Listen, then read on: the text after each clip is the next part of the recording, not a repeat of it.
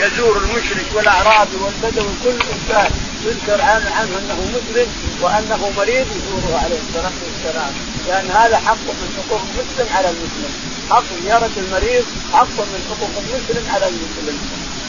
باب عيادة المريض باب عيادة المريض راكبا وماشيا ورزقا على الحمار. قال رحمه الله حدثنا يحيى بن بكير قال حدثنا الليث عن عقيل عن ابن شهاب عن عروة أن أسامة بن زيد أخبره أن النبي صلى الله عليه وسلم ركب على حمار على إكاف على قطيفة فدكية وأردف أسامة وزار وزار وزاره وزارا وزاراه يعود سعدا سعد بن عبادة قبل وقعة بدر فسار حتى مر بمجلس فيه عبد الله بن أبي بن سلول وذلك قبل أن يسلم عبد الله وفي المجلس اخلاق من المشركين من المسلمين والمشركين عبدة الأوثان واليهود وفي المجلس عبد الله بن رواحة فلما فلما غشيت المجلس عجاجة الدابة خمر عبد الله بن أبي أنفه بردائه قال لا لا تغبروا لا تغبروا علينا. فسلم النبي صلى الله عليه وسلم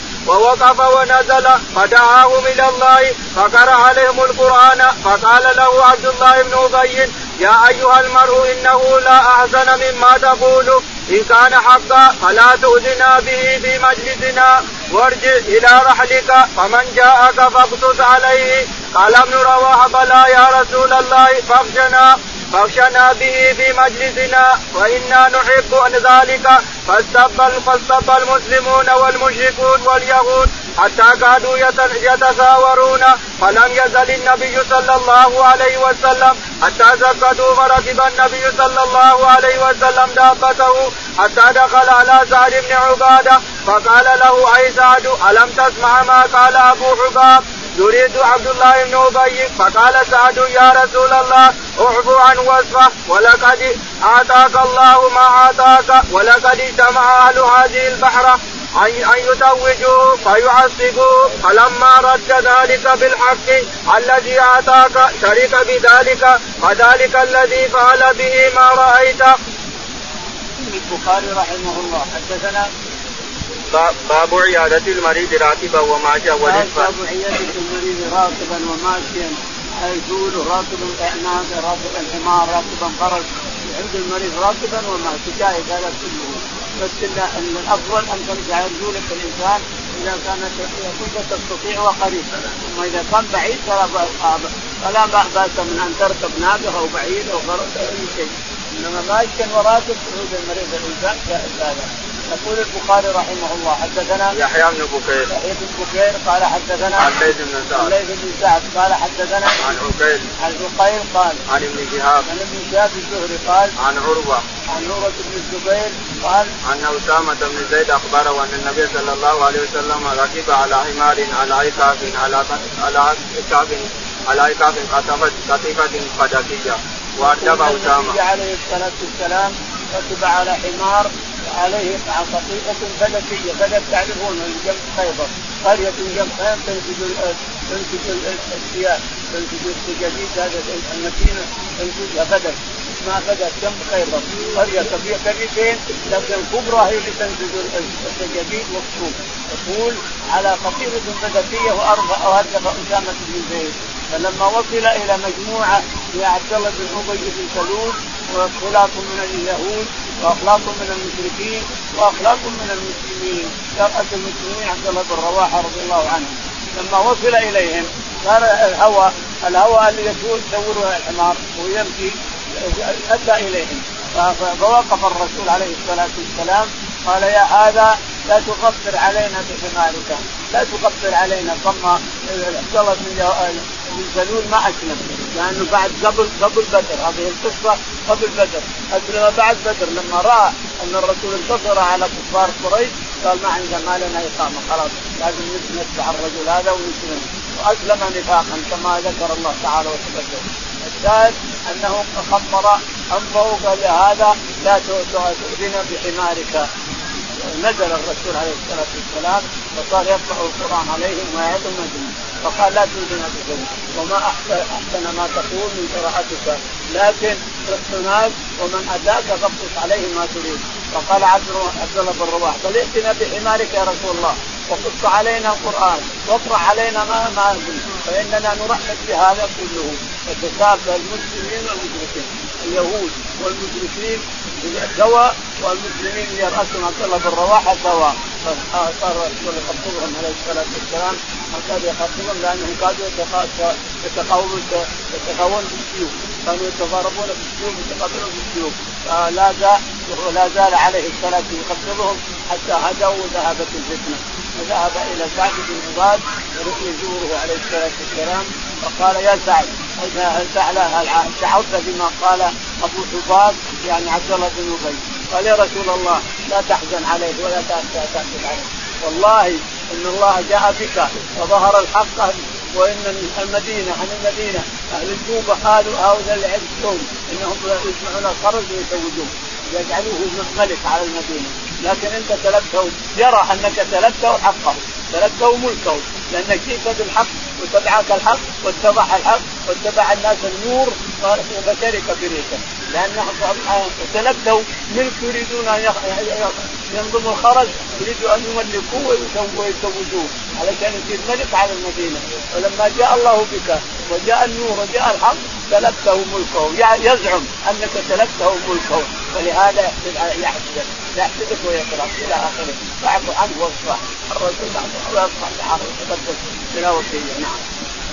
قال رحمه الله حدثنا عمرو بن عباس قال حدثنا عبد الرحمن قال حدثنا سفيان عن محمد وهو ابن ابن المنقدر عن جابر رضي الله عنه قال جاءني النبي صلى الله عليه وسلم يعودني ليس براكب بغل ولا برزون يقول البخاري رحمه الله حدثنا عمرو بن عباس. عمرو بن عباس قال حدثنا عبد الرحمن. عبد الرحمن قال حدثنا سفيان الثوري. سفيان الثوري قال عن ابن المنقدر. عن محمد بن المنقدر قال عن جابر. عن جابر رضي الله تعالى عنه وقلنا النبي عليه يقول إنه مرض فجاءه الرسول عليه الصلاة والسلام يزوره ليس على بغلة ولا على برجول.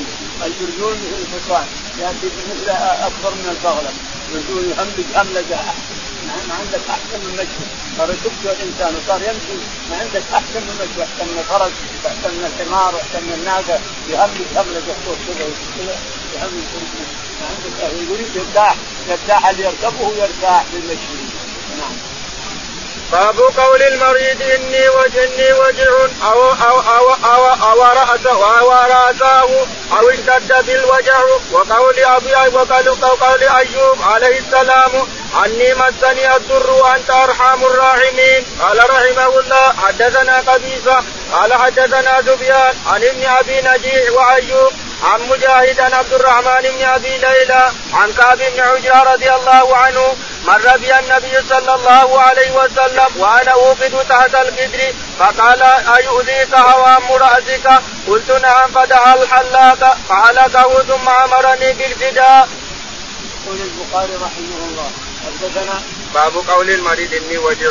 باب قول المريض إني وجع. يعني إظهار الشكوى للناس وأنت تشتكي ربك تعالى وتقدس تشتكي إلى ربك. تشكي مرضك على ربك. عند الناس لا بأس به.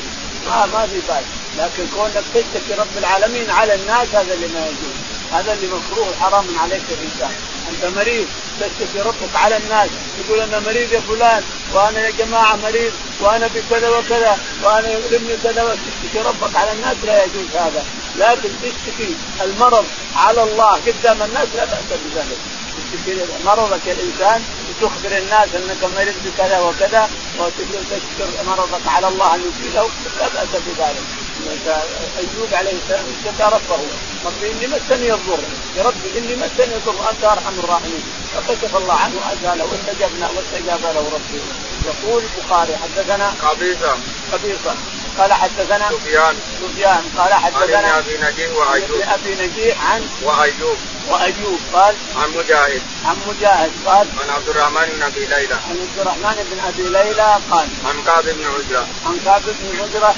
أن هوام رأس القمر وهو محرم يتناثر من رأسه. فمره الرسول عليه الصلاة والسلام وهو يوقظ قدر فقال لعل هوام رأسك فادتك هذا من الألم نعم. مصيبه من المصائب القمر وألم لا شك أنك تؤذيه دائم يحك رأسه دائم يحك رأسه دائم يتناثر القمر على وجهه وعلى ظهره وهو محرم. قال لعلك آذاك قال نعم يا رسول الله. فدعا حلاق وحلق رأسه وعاد التحتاج اذاك شيء من رأسك أو اظهار اذاك الانسان أو اذاك شعر رأسك أو اذاك رأسك احلق رأسك أو قص اظفارك واذبح لأن الله أمرك بهذا. الشيء إذا فعلته الإنسان اذبح وأنت محرم اذبح ولا إثم عنك مثل ما فيه. قال رحمه الله حدثنا يحيى بن يحيى أبو زكريا قال أخبرنا سليمان بن بلال عن يحيى بن سعيد قال سمعت القاسم بن محمد قال قالت عائشة ورأسا فقال رسول الله صلى الله عليه وسلم لكن لو كان وأنا حي فأستغفر لك وأدعو وأدعو وأدعو لك. فقالت عائشة واثق واثق لي واثق لي والله إني لاظنك تحب موتي. ولو كان ذاك لذللت لذللت آخر يومك معززا ببعد أزواجك. فقال النبي صلى الله عليه وسلم بل أنا ورأساه لقد حممت أو أردت أن ارسل إلى أبي بكر وابنه وعهد أن يقول القائلون ان يتمنى المتمنون المتمنون ثم قلت يأبى الله ويدفع المؤمنون أو يدفع الله ويأبى المؤمنون. يقول البخاري رحمه الله باب تابع للباب. تابع حدثنا. يحيى بن يحيى. يحيى بن يحيى قال حدثنا. سليمان بن بلال. سليمان بن بلال قال حدثنا. يحيى بن سعيد. يحيى بن سعيد قال. عن القاسم بن محمد. عن القاسم بن محمد عن أبيه قال. قالت قالت عائشة ورأساه عن القاسم بن محمد عن عائشة رضي الله عنها. كان ما له رواية عن أبيه. القاسم بن محمد يروي عن عمته عائشة رضي الله تعالى عنها. أن النبي عليه الصلاة والسلام دخل عليها فقالت ورأسها تشتكي رأسها مريضة. قالت ورأسها. فقال النبي عليه الصلاة والسلام لو كان كذلك لرحتفنتك وترحمت عليك وجعلت كذا وسويت كذا وسويت وضعت قال فيه علشان تحب موتي. تبي يموت علشان تجي واحدة من زوجاتك في البيت تعرف فيها. وذكلاها قالت وذكلاها تحب أنك تأتي بزوجة من زوجاتك تعرف فيها البيت إذا مت. قال النبي عليه الصلاة والسلام أنا ورأسه. هذا عادي ابتدع عليه الصلاة والسلام. حينما ابتدع به المرض في 26 سفر ثم مشى إلى 12 ربيع الأول. قال أنا ورأسه. قال ابتدع به المرض عليه الصلاة والسلام. قليل قليل ثم قال أريد أن أحمد عبد الرحمن بن أبي بكر وأبوه أبو بكر فاعهد للناس اعهد للناس أنهم لا يقدموا غير ابي بكر الصديق رضي الله عنه. يأبى الله والمسلمون يأبى الله والمسلمون. ان لا يقدم إلا ابي بكر الصديق رضي الله عنه. قال رحمه الله حدثنا موسى قال حدثنا عبد العزيز بن مسلم قال حدثنا سليمان عن إبراهيم التيمي عن الحارث بن سويد عن ابن مسعود رضي الله عنه قال دخلت على النبي صلى الله عليه وسلم وهو يوعك فمسست فقلت إنك لتوعك وعكا شديدا.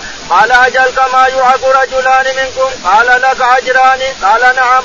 ما من مسلم يصيبه اذى أذى مرض فما سواه إلا حط الله سيئاته كما تحط الشجره ورقها.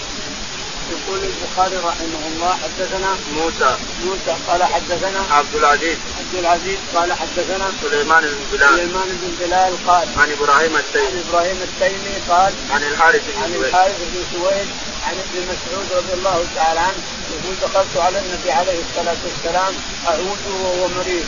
يقول فلما فمسكته وإذا جسم حار مرة قلت يا رسول الله توعك وعقا شديدا. قال أجل. قال واق رجلان منكم. قلت ذلك لأن لك أجرين يا رسول الله. قال نعم لأجرين وكل مسلم كل مسلم. يصيبه مصيبة من هم أو غم أو مرض أو شيء من هذا فإن له أجر كبير حتى يحد الله تعالى ويتقدم خطاياه كما تحد الورقه الشجرة ورقها اليابس كما تحب الشجرة ورقها اليابس يحد الله ورقه.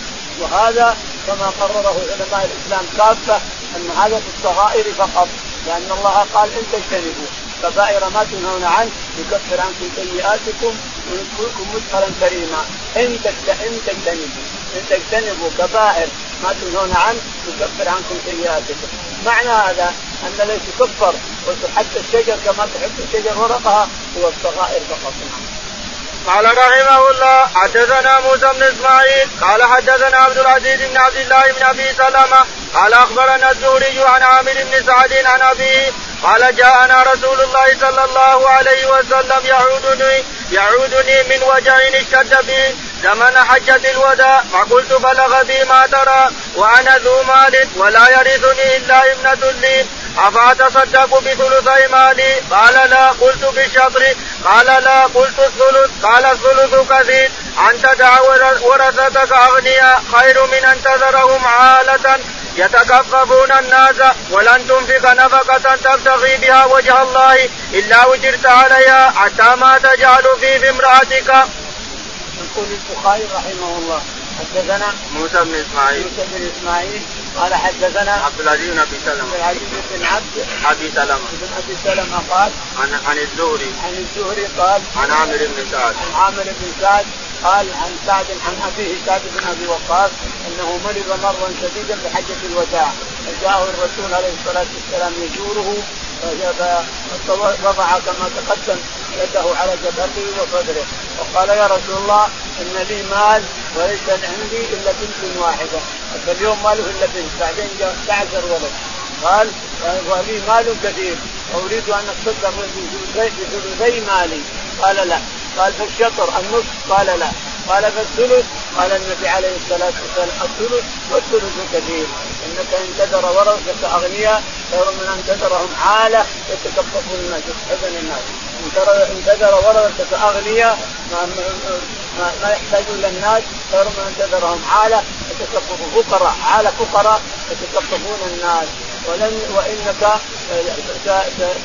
تعيش ينتفع بك أقواما ويضر بك آخرون في بعض الحديث. باب قول المريض قوموا عني. قال رحمه الله حدثنا إبراهيم بن موسى. قال حدثنا هشام عن معمر. حاول وحدثني عبد الله بن محمد. قال حدثنا عبد الرزاق. قال أخبرنا معمر عن الزهري عن عبيد الله بن عبد الله عن ابن عباس رضي الله عنهما قال لما حضر رسول الله صلى الله عليه وسلم وفي البيت وفي البيت رجال عمر بن الخطاب قال النبي صلى الله عليه وسلم هلم أكتب لكم كتابا لا تضلوا بعده. فقال عمر إن النبي صلى الله عليه وسلم قد غلب عليه الوجع وعندكم القرآن حسبنا كتاب الله فاختلف أهل البيت فاختصموا منهم من يقول قربوا يكتب لكم النبي صلى الله عليه وسلم كتابا لن تضلوا بعده. ومنهم من يقول ما قال عمر فلما أكثروا اللغو والاختلاف عند النبي صلى الله عليه وسلم قال رسول الله صلى الله عليه وسلم قوموا قال عبيد الله فكان ابن عباس يقول إن الرزية كل الرزية ما حال بين رسول الله صلى الله عليه وسلم وبين أن يكتب لهم ذلك الكتاب من اختلافهم ولغطهم. يقول البخاري رحمه الله باب باب قول المريض قوموا عني. باب قول المريض قوموا عني. يقول البخاري رحمه الله حدثنا موسى بن إسماعيل. موسى بن إبراهيم إبراهيم بن موسى. إبراهيم بن موسى. قال حدثنا هشام بن هشام الدستوائي هشام بن يوسف. هشام بن يوسف. قال حدثنا عن معمر. معمر قال حدثنا ثم حول السند. ثم حول فقال حدثنا عبد الله بن محمد. عبد الله بن محمد قال عبد الرزاق. عن عبد الرزاق قال عن معمر. عن معمر قال عن الزهري. عن الزهري قال عن عبيد الله بن عبد الله بن عتبة. عن عبيد الله بن عتبة بن مسعود قال عن ابن عباس. عن ابن عباس رضي الله تعالى عنهما إن الناس كانوا يزورون النبي عليه الصلاة والسلام وهو مريض وفيهم عمر بن الخطاب رضي الله عنه. فكان فقال أتوني بدوات وقرطاس فاكتب لهم كتابا لن تضلوا بعده ائتوني بدوات وقرطاس اكتب لكم كتابا لن تضلوا بعده قال عمر بن الخطاب قال ما نقدر نأتي بكتابه مشغول بالحمى مشغول بالمرض كيف نأتي بكتاب؟ قال الناس من نجيب الكتاب؟ قال الناس لا نجيب كتاب وصار اختلفوا بينهم وظهر الضجيج والصياح قال قوموا عني فقاموا عنه قال عبد الله بن مسعود إن الرزيه أو ابن عباس إن الرزيه كل الرزيه من حال بين أن يكتب الرسول وبين الوصية فقال عبد الله بن مسعود أو عبد الله بن عباس أحدهم قال ليس هناك رزيه ولا شيء. لو أراد أن يكتب يوسف اظن ابن مسعود اللي يقول الكلام هذا. لو أراد الرسول عليه الصلاة والسلام أن يكتب وصية ما أوصى إلا بالسور بالآيات العشر التي في آخر سورة الأنعام. يوصيكم الله إلى آخره. فلا حاجة إلى أن يشغل الرسول في مرضه يكتب وصية وعندنا الوصية، الوصايا العشر اللي في آخر عام تكفي ما راح يكتب غيرها، هذا كلام ابن مسعود، ليس هناك رزيه ولا شيء، لأن الوصايا موجودة مكتوبة في كتاب الله قبل أن يموت الرسول. وهذا صحيح. كلام ابن مسعود صحيح. باب من ذهب بالصبي من, من ذهب بالصبي المريض ليدعى له. قال رحمه حدثنا إبراهيم بن حمزة قال حدثنا حاتم وهو ابن إسماعيل عن الجعيد قال سمعت الصائب يقول ذهبت بي خالتي إلى رسول الله صلى الله عليه وسلم فقالت يا رسول الله إن ابن أختي وجع فمسح رأسي ودعا لي بالبركة ثم توضأ فشربت من وضوئه وقمت خلف ظهري خلف ظهره فنظرت إلى خاتم النبوة بين كتفيه مثل ذر الحجلة. يقول البخاري رحمه الله حدثنا باب من ذهب بالصبي المريض ليدعى له. من ذهب بالصبي المريض ليدعو له الرسول عليه الصلاة والسلام. حدثنا إبراهيم بن حمزة. إبراهيم بن حمزة قال حدثنا حاتم بن إسماعيل. بن إسماعيل قال حدثنا جعيد بن عبد الرحمن. جعيد بن عبد الرحمن قال السائب بن يزيد. عن السائب بن يزيد قال يقول ذهبت بي خالتي إلى رسول الله صلى الله عليه وسلم. بن يزيد يقول ذهبت بي خالتي إلى الرسول وهو مريض.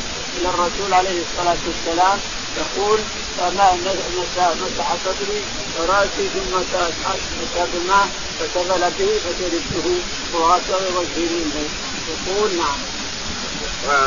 وقالت يقول يا رسول الله إن ابن أختي وجع فمتى رأسه ودعا لي قالت يا رسول الله إن ابن أختي وجع ودعا له الرسول عليه الصلاة والسلام ومسحه مسح ظهره ومسح صدره ثم اتى بأسك بماء فسكن بالماء ثم أعطاه إياه فشربه. هذا السائل من يزيد رضي الله عنه يقول حج به ولده بست سنوات. ثم توضأ فشربت وقمت خلف ظهره فنزلت إلى خاتم النبوة بين. كنت خلف ظهره فرأيت خاتم النبوة. في ظل الحجلة، الحجلة الخيمة، الخيمة فيها فيها خشبة تحت فيها العمود، هذه تسمى الحجلة، في ظل الحجلة يعني كأنه خشبة صغير يعني جرمة، غرمه كأنه جملة كبيرة عليه شعرات.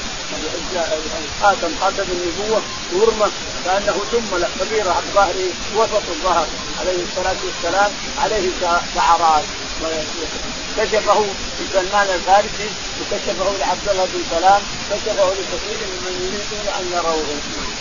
باب تمني باب تمني المريض الموت قال رحمه الله حدثنا آدم بن أبي قال حدثنا شوبة قال حدثنا ثابت البناني عن أنس بن مالك رضي الله عنه قال النبي صلى الله عليه وسلم لا يتمنين أحدكم الموت من ضر أصابه فإن كان لا بد فاعلا فليقل اللهم أحيني ما كانت الحياة خيرا لي وتوفني إذا كانت الوفاة خيرا لي.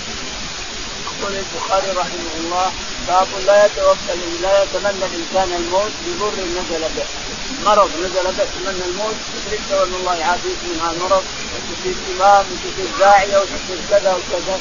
كل ما عشت الإنسان على خير وعلى طريقة سليمة وعلى دعوة إلى الله وعلى ذكر وصلوات وحج وعمرة فهو خير لك أحسن لك من النبي عليه الصلاة والسلام.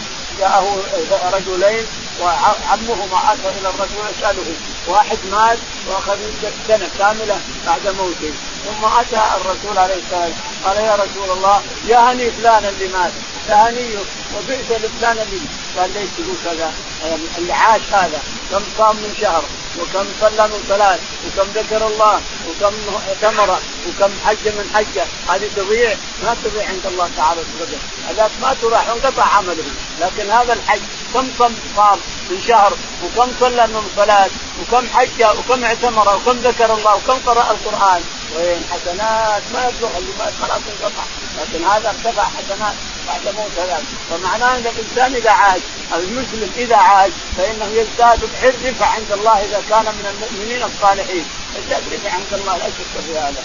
كل ما حييت الإنسان واتقيت الله وآمنت بالله وعملت بالصالحات واتبعت طريقة الرسول عليه الصلاة والسلام فإنك تعيش خالدا امنا امنا وتلقى ربك فرح. تلقى ربك وهو يضحك تعالى وتقدم. تلقى ربك وهو فرح بك وأنت فرح بلقاء ربك ويضحك في وجهك. نعم. قال رحمه الله حدثنا آدم قال حدثنا شعبة عن إسماعيل بن أبي خالد عن قيس بن أبي حازم قال دخلنا على خباب عدو وقد استوى سبع قيات فقال ان إن أصحابنا الذين سلفوا سلفوا مضوا ولم تنقذهم الدنيا وإنا اصبنا ما لا ما لا نجد له موضعا إلا التراب ولولا ان أن النبي صلى الله عليه وسلم نهانا ان أن ندعو بالموت بالموت لدعوت به. ثم أتيناه مرة أخرى وهو بي وهو يبني حائطا له. فقال إن المسلم يؤجر يؤجر في كل شيء ينفقه إلا في شيء يجعله في هذا التراب. يقول البخاري رحمه الله حدثنا آدم. آدم قال حدثنا شعبة. شعبة قال حدثنا اسماعيل بن أبي خالد. اسماعيل بن أبي خالد عن عن قيس بن أبي حازم. الاثنين في اول في اخر السنة وعندك اثنين في اول السنة محمد بن مثنى ومحمد بن بشار. يروي لهم الستة. اثنين في اول السنة وعندك الاثنين هؤلاء إسماعيل بن أبي خالد وقيس بن أبي حازم في آخر السنة. أيضا يروي لهم الستة وغير الستة حتى الموطف وحتى مسند الإمام أحمد يروون هذا والاثنين. بالسام في أول السنة يروون هذول في آخر السنة. والشاهد يقول عن قيس بن أبي حازم قال دخلنا على خباب بن دخلنا على خباب بن الارد رضي الله تعالى عنه وهو يكتوي استوى قد استوى سبع كيات يقول نعم. وقال ان إن أصحابنا الذين سلفوا مضوا ولم ولم تنقصهم الدنيا وقال إن أصحابنا الذين مضوا مضوا ولم تنقصهم الدنيا شيء ما نقصوا من الدنيا شيء إلا أخذوا من الدنيا. إن هالت علينا الدنيا ان هالت حتى ما ندري أين نضعها. هذا قد قدنا آه ثم فتحت الفتوحات ونشرت الأمطار ووزعت الأموال من من المشركين. واغتنى الناس كلهم حتى ما يدري وين يودي المال. فقبض يقول لا أدري وين اودي المال. ثم زرناه بعد مدة فإذا هو يبني قصر له انظر كيف يبني قصر. عافاه الله وراح من الكي وذهب صار يبني قصر. قال إن الإنسان إذا عاش حيا وكل شيء ينفقه فهو له أجر عند الله تعالى وتقدم كل شيء تنفقه الإنسان لك أجر عند الله إلا التراب الذي تضعه بالتراب. محل شاهدنا ولولا أن النبي صلى الله عليه وسلم نهانا أن ندعو بالموت لدعوته. وشاهد الحديث أن خطاب قال لولا أن النبي نهانا عن ندعو بالموت لدعوت بالموت. هذا وهو يقتضي مستوى سبع قيات من المرض من شدة ما يؤلمهم قال لولا أن النبي عليه الصلاة والسلام نهى عن أن الإنسان يدعو بالموت لتمنيت لتمنيت الموت. يعني الرسول قال لا تتمنى الموت. فإذا لابد اللهم امتني إذا كانت الموت خيرا لي وأحيني إذا كانت الحياة خيرا لي. قل اللهم أحيني ما دامت الحياة خيرا لي وامتني إذا كانت إذا كان الموت خيرا لي. كل هذا الكلام. أما تقول اللهم جيب من الموت يا ربي, اللهم اعطني الموت لا يجوز هذا يجوز أن تتمنى الموت لغر نزل غر نزل بك تتمنى الموت لا يجوز. نعم. قال رحمه الله حدثنا أبو اليمان قال أخبرنا شعيب عن الزهري قال أخبرني أبو عبيد مولى عبد الرحمن بن عوف أن أبا هريرة قال سمعت رسول الله صلى الله عليه وسلم يقول لا يدخل أحد لا يدخل أحدا عمله الجنة قالوا ولا أنت يا رسول الله؟ قال لا ولا أنا إلا أن يتغمدني الله برحمة بفضله ورحمته فسددوا وقاربوا ولا يتمنين أحدكم الموت إما محسنا فلعله أن يزداد أن يزداد خيرا وإما مسيئا فلعله أن يستعتب. يقول البخاري رحمه الله. حدثنا أبو اليمان. أبو اليمان. قال حدثنا شعيب. شعيب. قال حدثنا الزهري. الزهري قال أبو عبيد. أبو عبيد قال عن أبا هريرة. عن أبي هريرة رضي الله عنه قال النبي عليه الصلاة والسلام قال سمعت رسول يقول لا يدخل أحدا عمله الجنة. قال الرسول عليه الصلاة والسلام لن يدخل احدا منكم الجنة عمله عمله الجنة.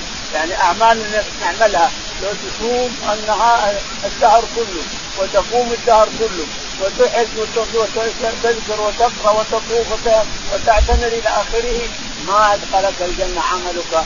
وإنما قال وإنما يذكرك ربك برحمته ربك تعالى وتقدس بسبب عملك يرحمك ويعطف عليك ويدخلك الجنة برحمته تعالى وتقدس. لأنك عملت سبب سبب فيرحمك ويعطف عليك ويتولاك يا ربي الرب تعالى وتقدس. قالوا ولا أنت يا رسول الله؟ قال ولا أنا. إلا فلا يتغمدني الله برحمته. ولا الرسول ما يدخل بعمله ولا الرسول ما يدخل بعمله إلا أن يتغمده الله برحمته تعالى وتقدس. فالذي في العبد أن يتغمده الله برحمته هذا السعيد. وأما الذي ما يتولى الله والله فهو الشهاد يقول ولا أنت قال ولا أنا إلا أن يتغمد الله برحمته فسددوا وقاربوا وأبشروا. وما ينفق الرجل من المسلم ما ينفق نفقة صغيرة ولا كبيرة إلا كتبت له حسنات حتى اللقمة يضعها في في امرأته. وخص المرأة لانها هي التي واجب واجب عليك يا إنسان نفقتها. اطعمني ولا طلقني؟ والعبد المملوك اطعمني ولا بعني الآن ما في عبد لكن فيه امرأة الإنسان. ما تضع لقمة في فيها إلا اجرت عليها. إذا نويت ذلك، إذا نويت أنك تثاب عليها، وأما إذا ما نويت فهو شيء مباح، تاكل المراه في بيتك مباح، لا لا أجر ولا وجر، لكن إذا نويت هذه النفقة وهذا الأكل لزوجتك ولأولادك ولضيوفك ولجميع من عندك نويت وجه الله والدار الآخرة وجرت عليها وكتب الله لك اجر كبير بهذه النية بهذه النية اللي عملتها. حتى مباح لا مباح إذا ما نويت شيء فهو مباح لا اجر ولا اجر ولا يتمنى احدكم ولا يتمنى احدكم الموت بضر نزل به أو قد ضر نزل به. ولكن يقول اللهم إن كانت الحياة خيرا وان قال رحمه الله حدثنا عبد الله بن أبي شيبة قال حدثنا أبو أسامة عن هشام عن عباد بن عبد الله بن الزبير قال سمعت عائشة رضي الله عنها قالت سمعت النبي صلى الله عليه وسلم وهو مستند إلي يقول اللهم اغفر لي وارحمني وألحقني بالرفيق. يقول البخاري رحمه الله. حدثنا عبد الله بن أبي شيبة. عبد الله بن أبي شيبة. قال حدثنا أبو أسامة. أبو أسامة. قال حدثنا هشام. هشام. قال حدثنا عن عباد بن عبد الله بن عباد بن عبد الله بن عبد الزبير قال عن عائشة.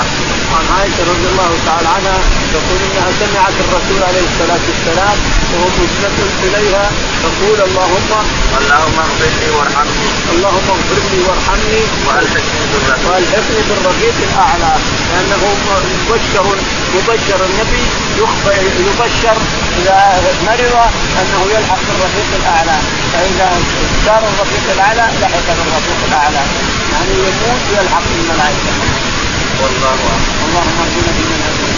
وعافنا ممن عافيت وتولنا ممن توليت اللهم توفنا مسلمين وتقنا صالحنا